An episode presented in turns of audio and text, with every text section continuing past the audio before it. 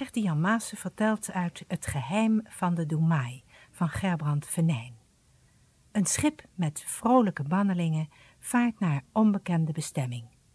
De bemanning heeft het boek gevonden en de boodschap daarin heeft alles goed gemaakt. Deel 14 Weer Huino's geheim.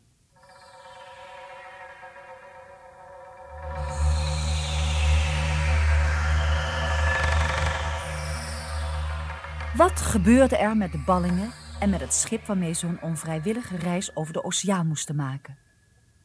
Ze werden nog vele dagen door de krachtige wind verder naar het oosten geblazen. Op aanwijzing van Huino was het schip al gauw voorzien van een bemanning die wel zo ongeveer wist wat haar te doen stond. Nog steeds was er onder de ballingen grote vreugde door de boodschap van het heilige boek. Daar konden zelfs hun vrees, hun onzekerheid over het verloop van de reis, hun zeeziekte en alle andere problemen geen veranderingen brengen. Bij elke gelegenheid las Huino gedeelte voor uit het boek en dan werd er lang over het voorgelezene nagesproken. Meestal sprak Tors daarna dan een gebed uit. Het schip met treurige verstotenen was veranderd in een schip met blijde feestgangers. Hoewel ze zich natuurlijk vaak genoeg zorgen maakten over de afloop van de reis, werden ze toch getroost door de gedachte dat er iemand met hen meeging. De reis duurde lang. Na drie weken draaide de wind naar het zuiden en korte tijd daarna verscheen er een landstreek aan de horizon. De eerste indrukken van het gebied waren heel gunstig. Overal groeiden bomen en struiken die er schitterend groen uitzagen. Na de grote ramp en haar gevolgen van vergiftiging en verkoling had het onstuitbare leven van de plantenwereld de overwinning op de dood behaald. Dankzij Huino's kennis gelukte de bemanning het schip aan te meren. De bannelingen, die zich de blijde kolonisten waren gaan noemen, gingen aan wal. Het eerste bouwwerk dat ze maakten was een houten kerkje. Daarna bouwden ze hun huizen en nog wat andere gebouwtjes. Ze legden tuinen aan en maakten daarbij dankbaar gebruik van Tors kennis van het hoveniersvak. Ze bakten aardewerk, vlochten manden en wisten met heel eenvoudige middelen zich een bestaan op te bouwen.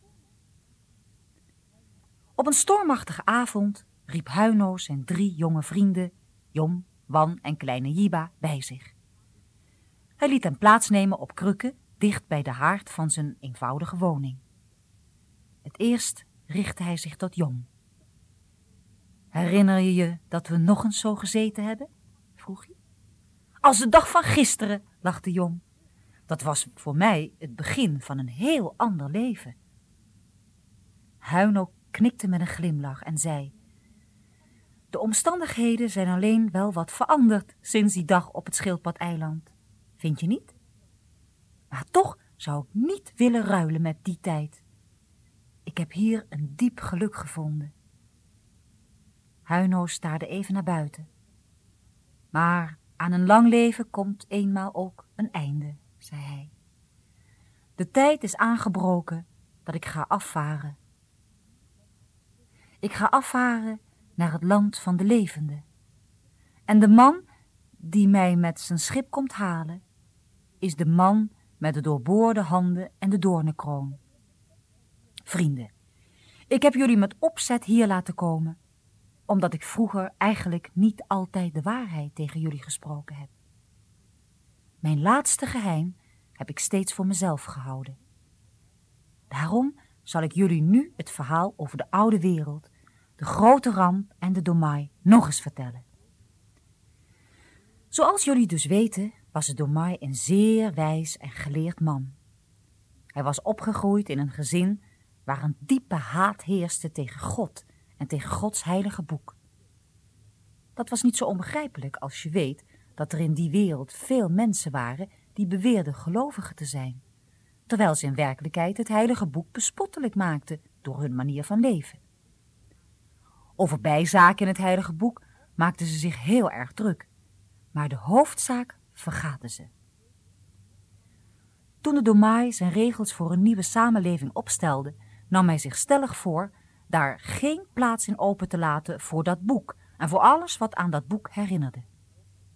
Later, toen werkelijk de mogelijkheid zich voordeed voor het uitvoeren van deze plannen, deed de Domai wat hij zich voorgenomen had. En elke gedachte of herinnering aan het boek of aan de schepper bande hij uit. Zo verliepen er veel jaren en alles scheen goed te gaan. De eerste tijd woonde de Domai in het rotsgebergte, waar hij een uitgestrekt goddenstelsel had ontdekt. Doch na dertig jaar besloot hij zich te vestigen op een schilderachtig eilandje in het grote meer. Van die plaats af regeerde hij zonder dat iemand wist dat hij de Domai was. In donkere nachten stak zijn zoon, Rahir, met een bootje over en nam de opdrachten en bevelen van zijn vader in ontvangst. Maar wat wel vaker gebeurt als iemand ouder wordt, de Domai ging aan zichzelf twijfelen. Hij ging twijfelen aan zijn regels, aan zijn eigen mening, aan alles waarin hij vroeger vast geloofd had. Wanneer hij op zijn eilandje rondliep tussen de bloemen in zijn tuin, tussen de duiven en de vlinders, dan was het soms alsof een fluisterende stem aan hem vroeg: Waar is mijn plaats? Waarom is er bij al je gedachten nooit eens één die naar mij toe gaat? Op een nacht droomde hij dat er een koning aan de deur van zijn woning klopte. Het was een wonderlijke koning. Geen koning in goud en purper, maar een vorst met doorboorde handen en een doornenkroon op het hoofd. En opnieuw kwam die vraag tot de domaai. Waar is mijn plaats? Waarom mag ik niet binnenkomen in uw wereld, in uw leven? Toen de domaai ontwaakte, werd het hem duidelijk dat hij al die lange jaren de liefste en vriendelijkste van allen uit zijn leven en uit zijn staat had buitengesloten. Hij ging terugdenken aan het heilige boek en hij gaf voor zichzelf toe dat hij in zijn leven een vreselijke fout had gemaakt. Dat door zoveel mensen misbruikte boek had hij van jongs af aan gehaat, maar hij had nooit de moeite genomen zich eens in dat boek te verdiepen. Wat hij erover wist, was, als het erop aankwam, maar bitter weinig. Hij hunkerde er nu naar het boek nog eens te lezen, maar alle exemplaren had hij bij zijn komst op het eiland laten verbranden. Alles wat hij zo nu en dan vond, was een fragment of een afbeelding. De Domai had op zijn eiland een paar jonge vrienden die hij heel graag mocht en waar hij dikwijls heel diepzinnige gesprekken mee voerde. Ze heten Jom en Wan. Huino keek Jom en Wan aan met zijn donkere, wonderlijke ogen. De jongens konden haast geen woord uitbrengen. Was, was u, wa, was u de Domai? stamelde Jom. Was, was u heus de Domai? Hakkelde Wan. Ja, jongens, ik was de Domai. Mijn leeftijd is niet 84 jaar. Ik ben veel ouder. Hoeveel ouder? Ach, wat zal het jullie interesseren? Waardoor ik zo oud kon worden? Wel, geheimen van de oude wereld. De planten waardoor ik zo lang sterk en flink mocht blijven, groeien hier niet. Daarom is nu de dag van mijn einde dichtbij gekomen. Even staarde Huino treurig in de vlammen. Maar, vervolgde hij zijn verhaal, mijn verlangen naar het heilige boek werd groter en groter. En op een dag biechtte ik mijn verandering eerlijk op aan mijn zoon, Rahir. Rahir werd woedend toen hij ervan hoorde. Hij spande samen met de legeroverste en enkele bestuurders en vertelde mij dat ik het schildpadeiland moest gaan verwisselen voor een veilige plek. Die plek was niet het dode eiland, zoals men liet rondvertellen, maar een hol in het gebergte. Zo was het door mij, zonder dat iemand het merkte, afgezet. En zijn zoon had zijn plaats ingenomen. In mijn kerker mocht het mij gelukken met veel moeite een exemplaar van het heilige boek in handen te krijgen. Het zal jullie verbazen hoe dat in zijn werk ging. Ik had steeds geweigerd om aan Rahir te verraden waar ik mijn gouden masker had verborgen. Maar toen mijn zoon mij op een dag het boek aanbood in ruil voor het masker, maakte ik de plaats bekend. Hoe Rahir aan het heilige boek gekomen was, is tot vandaag een raadsel voor me. Mogelijk is het eenmaal in een scheepswrak aangespoeld op ons eiland. Buiten de plaats waar ik het masker verscholen had gehouden, verraadde ik geen enkel geheim. Niets kwam Rahir te weten over de uitvindingen van de oude wereld. Niets maakte ik hem bekend over mijn kennis en mijn macht. Daarom zagen jullie hem destijds zo woedend zoeken tussen de verbrande boeken. Hij wil zijn gezag vergroten door het bezit van bijzondere wapens en werktuigen. Uit woede over mijn halstarrigheid besloot mijn zoon mij te verbannen met allen die naar het geheim van het heilige boek gezocht hadden. Zo ben ik aan boord van het ballingenschip terechtgekomen. En zo is de Domai erin geslaagd na zijn samenleving zonder de Heer van de schepping nu een kolonie te stichten die vol is van zijn tegenwoordigheid en eer. Het geeft mij diepe voldoening nu de trouwe God de plaats te geven die hem toekomt. Huino, de Domai, fluisterde Wan. Hij kon er nog niet over uit. Nu, voordat ik ga afvaren naar het eeuwige rijk, wilde ik toch aan mijn vertrouwelingen het geheim van mijn leven vertellen. Met een plotselinge ruk wierp hij zijn jas naar achteren. In het oranje licht van de vlammen was tussen de schouderbladen van de oude man een wonderlijk teken zichtbaar. De Domai, fluisterden de vrienden met ontzag. Teken was een gouden zon met wonderlijke letters. Mijn echte geloof in de Heer is begonnen op de avond toen de storm jou dwong nog eens afscheid van mij te nemen, zei Huino terwijl hij nog wat hout op het vuur wierp. Weet je nog wel dat ik die appel naar je toe rolde? Toen wisten we nog niet zeker of er werkelijk iemand was die we voor de goede dingen van het leven mochten bedanken. In mijn lange verblijf in de grot, eenzaam met het heilige boek, ben ik gaan zien hoe de echte God is. Op die stormavond begon voor mij ook een nieuw leven, zei Jong. Het was moeilijk en zwaar, maar ik had het nooit willen ruilen voor een rol als bestuurder. Zelfs niet met een rol als Domai.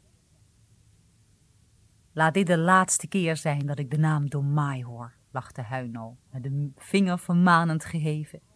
De Domai is dood, maar deze oude en grijze man in deze armoedige hut zal leven voor altijd. Kort na deze avond werd het voorgevoel van de oude Huino bewaarheid. Hij reisde af naar het blijvende rijk van God, waar hij eindelijk de volmaakte samenleving vond waar hij zoveel jaren naar gehunkerd had. Op het kerkhof in het midden van het dorpje wees voortaan een klein kruis de plaats aan waar Huino's lichaam in de aarde rustte. Jom, Wan en kleine Jiba groeiden op tot flinke mannen. Ze ontdekten dat gelukkig lang niet alle mensen omgekomen waren bij de grote ramp. En dat er ook bij de streek waar zij hun kolonie hadden gevestigd nog verschillende volkeren woonden. Met die volkeren dreven ze handel en, wat belangrijker was, ze brachten ze de woorden uit het kleine zwarte boek. Jom trouwde met Weli, de kleindochter van Torst de tuinman. Na ongeveer een jaar kreeg het paar een tweeling. Twee jongens die, hoe kon het anders, de namen Tors en Huino ontvingen. Die jongens troffen het wel met een vader als Jom, want hij wist de mooiste verhalen en eindeloos veel raadsels en spelen. Maar er was voor de jongens geen fijne moment te bedenken dan op die avonden in de herfst, als het haardvuur hoog oplaaide en de wind om de schoorsteen loeide en als vader Jom dan de krukjes van zijn zonen bijschoof om hem nog eens het verhaal te vertellen over het geheim van de Domai.